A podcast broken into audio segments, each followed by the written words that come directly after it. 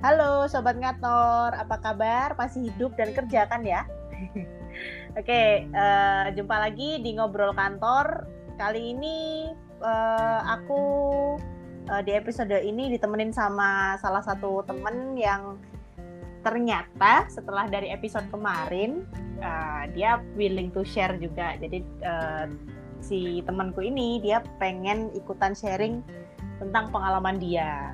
Nah, mungkin lang bisa langsung aja ya aku uh, suruh orangnya kenalan langsung ya. Halo, Bintang. Halo, assalamualaikum. Waalaikumsalam. Halo, apa? Okay. Ah, senang banget uh, dapat kesempatan ini. Lumayan Wah. buat nambah-nambah ilmu yang apa namanya nggak banyak orang tahu gitu. Betul betul. Bener banget. Karena memang tujuannya kan di sini kita selain uh, edukasi atau selain uh, apa namanya uh. membantu teman-teman juga kita pengen sharing ya. Oke. Mm Oke, okay, bisa kenalin nggak namanya siapa? Uh, Belum sebut nama, nama dari tadi. Iya, ya apa sih? Iya. Nama aku Bintang. Uh, uh. Domisili sama kayak Mbak itu ya. Mm -hmm. Terus. Aduh, celok Mbak kayak banget aku. pekerjaan saya uh-huh. saat ini fokus pengangguran ya karena efek corona. Iya, iya. Uh, semuanya kena efek. Kalau kayak Adam kemarin kan disebut apa profesional unemployed ya. Fancy ngono. Ya wis itu bahasa ya. bahasa Inggrisnya. Kalau bahasa. Indonesia-nya fokus nganggur. fokus nganggur. Oke siap. Nah, kalau kerjaan sebelumnya ya. itu adalah seorang trainer di okay. LPK atau lembaga hmm. pelatihan kerja. Wah gitu. keren nih. Trainer. Trainer berarti uh, kayak ngasih pelatihan gitu ya berarti ya? Mm -mm, kayak okay. pelatihan. Oke bisa dijelasin nggak tang uh, soal uh, trainernya ini kayak gimana Uh, oh, uh, uh, mungkin uh, ini ya apa namanya? Uh, aku pengen tahu dulu trainer. Uh, ini biasanya nyebutnya apa? Trainer pemag uh, pemagang, trainer uh, pelatihan hmm. atau apa namanya? Trainer pemagang sih biasanya. Oh. Biasanya bilangnya uh. trainer pemagang. Oh gitu. Berarti judulnya trainer pemagang ya profesinya ya. Oke. Okay. Ini uh, untuk pemagangnya pemagang ke mana aja? Maksudnya untuk uh, apa ini yang disalurkan itu apakah untuk uh, ke perusahaan-perusahaan atau gimana? Kalau hmm, hmm, hmm. Oke, jadi aku adalah hmm. anak gembala. salah salah salah nada ya, aku itu sebelum ini adalah trainer uh di LPK ya aku ny tadi nyebutin di LPK uh itu untuk pemagang uh ke luar negeri nah tepatnya di Jepang wow keren khusus Jepang Oh iya iya khusus iya. Jepang. Jadi nggak uh. bukan pemagang ke uh Polandia kan ada tuh. Oh iya. Ke Polandia di Korea atau uh. mana. Enggak, aku khusus ke Jepang aja. Oke, Jepang. Berarti nggak semua negara ya, fokusnya ke iya, Jepang aja ya. Uh, uh, Oke. Ke Jepang aja. Nah, kalau untuk uh, perusahaannya sendiri uh, mau di spill nggak? Maksudnya boleh disebutin nggak namanya? Sama mungkin lokasinya atau mungkin uh, perusahaan ini yang punya siapa gitu? Gak usah lah ya. Jadi okay. kalau perusahaannya sih anu uh, bergerak di bidang manpower sih fokusnya di oh. situ kan LPK jadi uh. LPK buat orang mungkin banyak yang nggak tahu LPK itu apa sih? LPK itu adalah lembaga pelatihan kerja. Jadi mereka okay. di situ ada tempat untuk berlatih uh, suatu pekerjaan yang spesifik gitu. Oh, di situ berlatih di situ. Entah itu belajar skillnya atau belajar bahasanya Oh, oke okay, oke. Okay. Berarti misalnya nih, misalnya aku uh, mau jadi tukang las misalnya ke, ke Jepang misalnya. Nah, aku bisa masuk uh, ke ke perusahaan itu gitu ya. Atau mm. bisa ikut ke lembaga itu ya? Oh. Bisa, bisa di LWK. Nah, tapi mm -hmm. kalau mau spesifikasi skill tertentu mm -hmm. itu mm -hmm. mungkin nggak banyak LPK yang menyediakan gitu. Oh, Jadi mereka okay. mengarahkan mm-hmm. gitu loh. Jadi mm-hmm. mereka diarah uh, apa murid ya apa ya bilangnya itu calon pemagang. Calon pemagang. ya, Oke. Okay. Ya calon pemagang ini nanti diarahkan mm-hmm. uh, punya skill apa nanti gitu. Nah makanya biar kita kalau di tempatku dulu biar kita nggak repot mm-hmm. jadi kita nyarinya lulusan SMK mm-hmm. jadi kan oh. kalau SMK kan udah punya skill nih mm-hmm, betul nah jadi mereka tinggal belajar bahasa Jepangnya aja oh I see ya ya ya paham paham berarti nah kalaupun mm-hmm. tidak kalaupun dia SMA lah katakanlah misal lulusan SMA nah nanti mereka nanti diarahkan ke apa PLK Nah, apa mana iku PLK? Apa iku? PLK. PLK itu Balai Latihan Kerja. Oh. PLK itu punya Apa bedanya sama punya, lembaga? punya profit, punya pemerintah lah PLK itu ya. Oh, okay, Jadi okay. les-lesan mm -hmm. ibaratnya itu ya les-lesan sing menyediakan skill keterampilan kerja yang dibutuhin okay. sama industri. Nah, itu adanya di PLK Oh, banyak di PLK PLK di Jawa Timur itu ada di nggak di semua kota ada sih tapi hmm. setahuku di Surabaya itu ada okay. di Pasuruan itu juga ada si Sidoarjo itu kalau nggak salah juga ada jadi skill yang oh. diajarkan itu ya itu tadi kalau kamu kelas atau oh. apa ya uh, potong rambut ya potong rambut apa oh, bar barber shop gitu yeah. barber gitu nah sekarang kan mulai marak nah itu uh. mereka belajarnya dari PLK PLK oh gitu. oke okay. jadi Mungkin... PLK sama LPK itu bedanya kalau PLK ngajarin skillnya kalau LPK itu penyalurnya. Oh iya iya iya. Berarti fokusnya beda ya. Kalau BLK mm -hmm. itu uh, kamu pengen skill apa kamu pengen kerja apa di sana gitu mungkin ya? Hmm? lebih ke uh, apa namanya kalau kamu punya skill misalnya katakanlah kamu sudah bisa jahit misalnya ya? Hmm, hmm, hmm, nah itu larinya ke BLK L bukan oh, sorry, LPK. kebalik LWK okay, nanti baru di, sama LPK skill, diarahkan oh iya iya paham paham kalau misalnya BLK itu kayak skill... kursus gitu aja loh les-lesan oh Oh oke. Okay. Uh -uh. Nah iya jadi kalau uh -uh. Uh, kalau BLK itu kalau udah selesai pelatihan ya udah nggak ada hmm. mau diarahin ke mana nggak ada oh, udah iya, selesai iya. dua bulan gitu udah. Oke. Okay. kalau LPK ada pelatihan ada tindak lanjutnya disalurkan ke mana entah ke perusahaan. Okay. Nah kalau di tempatku kebetulan disalurin ke sebagai pemagang ke Jepang. Gitu. Oke okay, oke. Okay ini bisa bisa nggak sih kalau kita analogikan misalnya nih kayak BLK hmm. itu itu kan punya pemerintah ya ya nah like punya pemerintah itu koyok modele uh, eh, BLK ini di snaker gitu ya yang menyediakan pelatihan hmm, pelatihan nah kalau uh, LPK itu kayak uh, outsourcing mungkin ya atau mungkin outsourcing karena Mungkin. mereka fokusnya juga selain melatih tapi juga menyalurkan gitu nggak sih? Ah, ah, ah, ah, ah. Oh, bisa jadi bisa jadi.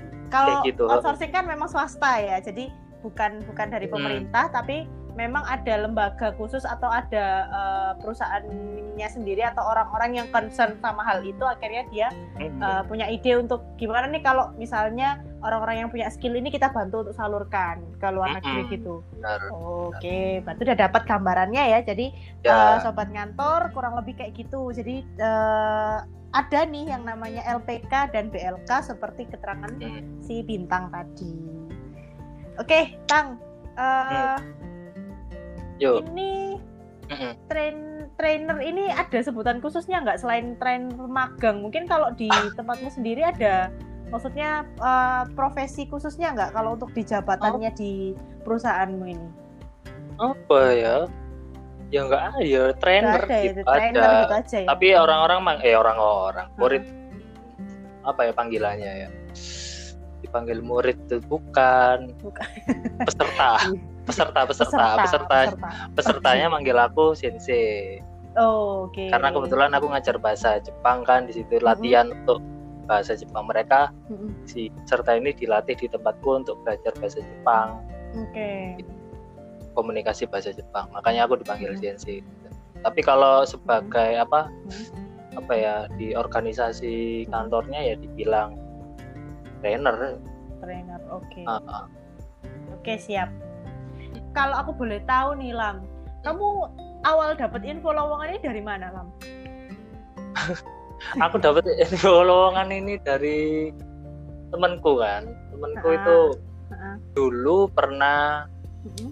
apa ya semacam freelance jadi menerjemahkan -huh. salah satu klien -huh. Jepang yang -huh. berhubungan sama si orang yang punya LPK ini. Oh, oke. Okay. Jadi waktu itu kan temanku belum lulus. Iya. Dia dia ngasih tahu lam, aku, eh lam, panggilanku di kampus bulam sih ya. Iya iya. Oke oke. Punya lowongan, Iki, uh. kamu mau nggak? Gitu. Uh. Opo, lowongan opo? Kayak uh. jadi guru bahasa Jepang tapi di LPK. Aku ditawani tapi aku sih turun lulus gitu. Oh, katanya okay. gitu kan katanya hmm. dia belum lulus terus aku nawarin ke aku yang emang udah lulus dan kebetulan waktu itu emang lagi nyari kerja juga hmm. terus ya udahlah apply di situ terus keterima oke okay. eh sorry nih aku kayaknya hmm. miss satu info boleh nggak aku tanya kamu lulusan apa aku lulusan S1 sastra Jepang Oh, oke. Okay. Universitas berarti... Erlangga Surabaya.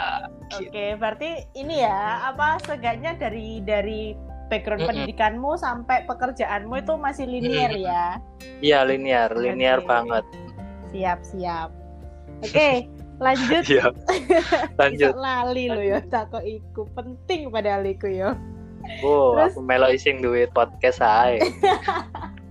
iya iya benar benar terus uh, lanjut nah uh, apa namanya ada nggak tips uh, buat sobat ngantor ini yang mungkin mau cari info loker ke Jepang. Misalnya kan hmm. kamu lulusan uh, sastra Jepang ya? Hmm. nah kamu ada nggak uh, info maksudnya tips buat teman-teman yang mungkin juga lulusan sastra Jepang atau mungkin yang uh, mereka pengen nih kerja ke Jepang itu uh, cari info lokernya di mana? Atau mungkin uh, ada tips dan trik untuk cari info lokernya itu harus seperti apa? Mungkin tanya-tanya temen kah atau aktif di sosmed atau gimana gitu info locker ya info locker ini mungkin tak bagi dua ya ada hmm. itu soalnya kan kan kebetulan aku juga anu tau pekerjaan yang sebelum uh. ini kan nganu menyalurkan tenaga kerja nah yeah. kalau uh, lowongan kerja yang dari uh. S1-nya sendiri uh, uh. itu uh, cari info di grup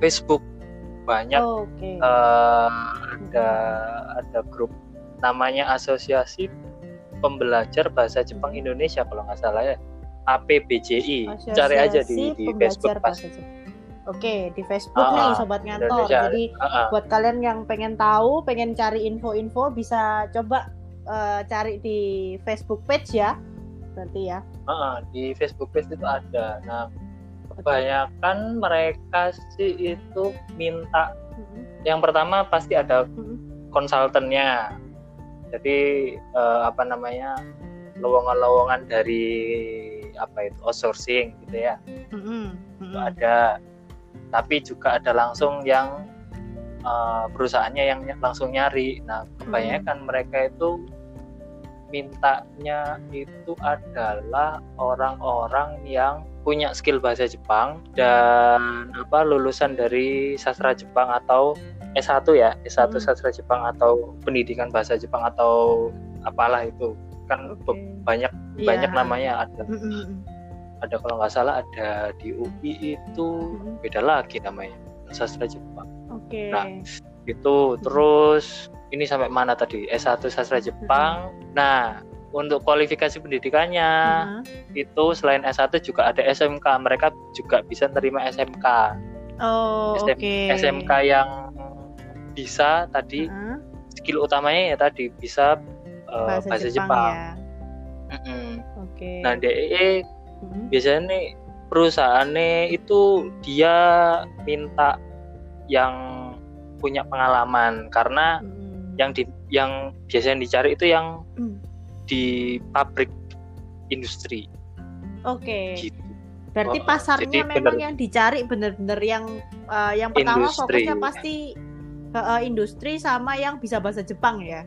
Mm-mm, itu kualifikasi utama ya yang paling dicari iya. ya. Oke. Okay. Uh, uh. Nih tips dari bintang kalau misalnya kalian punya skill bahasa Jepang atau kalian uh, atau kalian pernah pernah tahu apa namanya pernah kerja di industri terutama dan kalian pengen kerja ke Jepang bisa uh, dicoba uh, cari lowongan-lowongan jadi biar kalian juga nggak stuck di situ-situ aja gitu ya hmm. tang ya nah aku klarifikasi sih ya uh, apa tadi kan tadi kan kamu tanya lowongan untuk mm -hmm pembelajar bahasa Jepang itu ke mana aja. Nah, uh -huh. tadi udah aku kasih tuh di situ. Hmm, betul. Uh, di Asosiasi Pembelajar Bahasa Jepang Indonesia. Oke, siap. Nah, tapi kalau lowongan untuk kerja di Jepang itu beda lagi nggak di situ. Oh gitu. Oke, okay, uh, okay, siap. Jadi yang tadi APBJI hmm. itu APBJI itu dia me, bukan apa ya yang ngumpulin lowongan-lowongan yang ada kaitannya dengan bahasa Jepang bahasa di Indonesia. Okay. Uh, di Indonesia. Jadi bukan hmm, buka mereka buka lowongan ke Jepang bukan. Oke, oke oke. Paham bedanya, Pak. Berarti memang uh, untuk mereka yang di seluruh Indonesia ya, jadi nggak nggak keluar Jepang ya. Jadi uh, untuk mereka yang di seluruh Indonesia dan mereka punya kualifikasi untuk uh, iya. bisa bahasa Jepang atau pernah kerja di industri itu bisa coba cari uh, info lowongan di uh, Facebook kebanyakannya di sana itu tadi. Oke. Okay. Siap. Atau di apa di tempat lain ya di website-website lain juga ada sih kayak LinkedIn gitu mm -hmm. juga mereka eh, mereka uh, banyak juga tapi aku lebih terbantu kalau aku sendiri lebih terbantu di APBD makanya aku di mention di situ. Asik. Oke oke. Oke, uh, terus lanjut ke rekrutmen proses nih Tang. Jadi hmm. kalau untuk rekrutmen prosesnya seperti apa? Maksudnya kalau pada umumnya kan biasanya uh, rekrutmen prosesnya itu mulai dari biasanya interview, terus psikotes, kayak gitu-gitu. Hmm. Nah itu uh, apa aja step-stepsnya? Jadi kalau kerja di Jepang itu ada beberapa visa. Ada namanya visa engineering visa engineering jadi dia itu visa yang khusus untuk manufaktur oke okay. jadi itu visa engineering visa kerja lah visa kerja uh. visa kerja jadi mereka datang uh-huh. ke Jepang itu bisa kerja ya okay. tapi itu khusus untuk lulusan S1 oh iya iya iya. lulusan uh. S1 yang ya emang yang udah keterima kerja loh ya. Jadi bukan cari uh. kerja saya mau cari kerja ke Jepang gitu nggak bisa. Berarti di sana jadi, di, jadi di sana, berarti di sana udah benar-benar fix diterima. Iya. Dia tinggal perlu ngurus ininya aja ya persyaratan iyo, dokumen visanya, legalitasnya aja ya? legalitasnya. Jadi okay. nggak yang aku mau cari kerja di Jepang ya lontang lantung nanggono nggak jelas nanggono gak jelas tidur di taman ya nggak jelas kan ya iya nggak mungkin kan nggak iya. dibolehin Nah, yang itu yang pertama visa engineering bisa kerja. Uh-huh. Yang kedua adalah ini visa magang ini yang nanti aku jelasin. Uh-huh. Oh, Oke. Okay. Visa magang. Uh-huh. Jadi visa magang itu apakah beda dengan visa kerja beda? Uh-huh. Nah, nanti ada satu lagi visa caranya masuk sebagai pekerja di Jepang itu ada lagi visa namanya ini bahasa Jepangnya ya. Visa Tokute Gino Tokutegino itu kalau bahasa Inggrisnya itu specified skill work. Oh, specified okay. skill worker atau SSW. Specified skill worker. Jadi uh, uh. skill pekerja yang spesifik. Khusus, spesifik. Khusus. Uh, uh, okay, nah, okay. itu antara tiga itu bedanya apa? Uh-huh. Terus yang aku fokus yang pengalaman itu di mana? Nah, kalau aku pengalamannya di magang. Oke. Okay. Itu ngajarin anak-anak magang. Nah, bedanya apa nah kalau bedanya kalau bisa engineering ya, atau hmm. bisa apa itu tadi bisa kerja ya bisa kerja hmm. itu karena dia pendidikannya lebih tinggi otomatis gajinya yeah, lebih yeah. tinggi oke okay. nah, aku nggak bisa sebutin angka sih cuma yeah, yeah. jauh jauh kurang lebih sama kayak orang Jepang jadi okay. gaji bukan dikurangi atau ditambahkan ya ya kurang lebih ya sama sama orang Jepang meskipun kamu okay di sana statusnya sebagai warga negara asing. Okay. Nah, terus bedanya sam nah tadi yang Tepute Gino itu apa? Nah, Tepute Gino itu adalah visa baru. itu oh. visa yang dikeluarin sama pemerintah Jepang mm-hmm. tahun apa ya 2019 bulan mm-hmm. April kalau Oke. Okay. Jadi baru banget itu Tokuteki Gino visa hmm Makanya aku belum terlalu detail mengenai, Mendalam. tapi nggak tahu apa, nggak berani nggak berani bahas banyak sih. Tapi kalau uh-uh.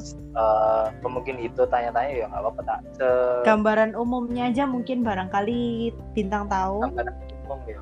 Uh-uh. Bedanya sama magang dia gajinya sama kayak oh sorry bedanya ada di pendidikan status okay. pendidikan uh, apa mm. kualifikasi pendidikannya. Mm-hmm. Jadi kalau Toko Tegino itu kamu bisa mm-hmm. SMK. Nah jadi kamu oh, okay. SMK. Jadi nggak harus S1 nih. Mm-hmm. Nggak harus S1. Okay. Nah, jadi tapi kualifikasi kualifikasinya lebih mm-hmm. tinggi. Kalau oh. Toko Tegino itu, waduh, aku jelasinnya roto mulai agak mundur jauh. Nah sebelumnya kalau di aku bahas it's okay, it's okay. bahasa Jepang dulu ya iya iya apa ukuran uh, tingkat kemampuan bahasa Jepang kan diukur nih uh, sama betul. kayak Jepangnya nah itu ada N5 N4 N3 N2 N1 okay. itu mulai dari yang paling awam sampai ke yang paling ahli expert oke okay. expert uh, hmm. yang paling nah, awam N berapa? 5 N, N5. dari N5 uh, oh, makin okay. ke bawah makin angkanya dikit makin jago. Makin jago. Oh, uh, oke. Okay. Berarti ya. kalau kayak mungkin huh? uh, eh, perbandingan mungkin ya, kalau aku kan sastra Inggris nih. Jadi ya. kalau uh, apa namanya pelevelan bahasa Inggris kalau uh, setahu aku yang CFR atau Common European itu kayak ini loh uh, A1, B1, C1 kayak oh, gitu. Bahasa Inggris itu ada lah. Ada dong. Jadi oh, itu Common A1, European. B1 itu apa? Oh, Kenapa? European. Ya, jadi kayak ke Common European Framework Reference, jadi CFR. Jadi kalau pelevelan bahasa Inggris uh, secara uh, European itu pakai itu, pakai A1, A0, A1, A2, terus oh. uh, B1, B2 kayak gitu, terus C1, C2. Mungkin bedanya uh, mungkin kurang lebih gambarannya sama kayak itu. Sama, kalau yang di Jepang di bahasa Jepang itu Yo. Iya. jatuhnya kayak N5, N4, N3, ya, N2, N1 gitu mungkin ya. Oke. Okay. Ya, iya. Berarti ada yang itu, ada yang buka apa ya tes gitulah di Indonesia. Ya. Uh, kalau untuk tesnya sih kita tetap pakai TOEFL atau ini ya, TOEFL atau uh, apa namanya IELTS. IELTS. Uh, uh, nah, uh, itu terus? tapi dari TOEFL dan IELTS itu bisa bisa dipakai untuk ngukur itu tadi sebenarnya. Oh, Jadi, dikonversikan. Betul, bisa dikonversikan. Jadi kalau misalnya kamu TOEFLmu uh, skor berapa sampai berapa, itu berarti masuk ke Levelnya level yang mana? Berapa? Iya. Oh gitu. Gitu. Baru tahu Nah, itu buat apa gitu. CFR tuh? Kenapa? Buat apa CFR itu? Kan udah ada TOEFL, udah ada segala macam itu. Buat apa sih? Sebenarnya, sebenarnya kalau di luar negeri kan? Uh, itu sebenarnya lebih untuk mengetahui skill apa ya sebenarnya kalau untuk levelan aslinya itu memang itu itu, itu memang uh, eh, CFR jadi kalau setauku ya mungkin ini aku belum cari info lagi cuman kalau setauku sih kalau CFR itu lebih ke pelevelan umumnya kalau uh, TOEFL kan untuk mengukur skornya. Sedangkan yeah, kalau yeah. untuk pelevelannya itu memang kalau setahu dari awal ya itu tadi pakai si FR itu gitu. Jadi dia resmi dong ya? Ha resmi. Ada sertifikatnya ya? Uh, kalau si FR itu ya harusnya sih ada sih. Oh ada. Gitu. Ha -ha, betul. Nah kalau di Jepang ya cuma itu tadi N5 sampai N1 itu tadi. Oh, Oke. Okay. Nah, syaratnya kalau hmm. kualifikasinya hmm. kalau Tokutegino atau SSW tadi ya, Specified hmm. Skill Worker itu harus N4. Wow, oke. Okay. Minimal, minimal itu N4 hmm. jadi di atasnya awam, basic lah. Jadi kan okay. ada awam, basic, menengah, hmm. jago, jago banget gitu. Jago, jenius gitu. Waduh Oke oke keren keren. N4 jadi basic lah. Jadi kira-kira hmm. N4 itu setara hmm. dengan bisa berdiskusi. Bisa berdiskusi. Berarti uh, bisa paham pendapat. Paham kalau orang ngomong sama dia iya. bisa menimpali gitu ya paling uh, uh, ya. bisa menimpali. Okay. Jadi nggak cuma terima perintah gitu. Hmm. Jadi nggak cuma kan sudah specified nih kan. Betul. udah iya, bukan iya, magang betul, lagi. Worker iya, iya. gitu kan jadi diharapkan yang SSW ini dia bisa diajak untuk uh, mengeluarkan pendapat. Oke. Okay. N4 atau ada lagi yang baru hmm. itu ujian kemampuan bahasa Jepang itu pakai hmm. JFT, JFT Basic hmm. A2 namanya. Ya, mungkin kayak CFR itu tadi mungkin ya. Iya, itu apa uh, itu? Kayak A2. JFT itu juga sama, jadi hmm dia juga ngukur kemampuan bahasa juga jadi hmm. levelnya itu juga sama kayak N4 cuma hmm. bedanya untuk saat ini tuh cuma diadakan di Jakarta oh oke okay. ini karena emang mungkin baru ya jadi panitianya hmm. mungkin belum banyak yang hmm. anu jadinya ada di Jakarta aja okay. uh, apa namanya info yang terakhir aku dapetin hmm. itu ada di Jakarta dan itu lebih sering Hmm. Jadi nggak setahun dua kali kayak JLPT. JLPT kan Iya. tahun cuma dua kali. Iya. Juli betul, sama betul. Desember. Itu pun hmm. beberapa daerah. Iya iya. Kayak beberapa daerah yang lain cuma satu kali. Nah kalau JFT bisa kali dalam tahun gitu.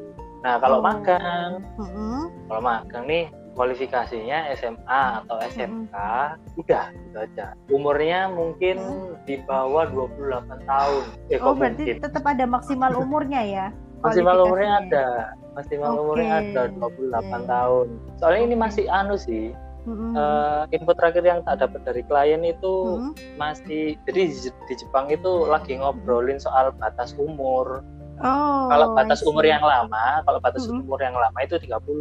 Mm -hmm.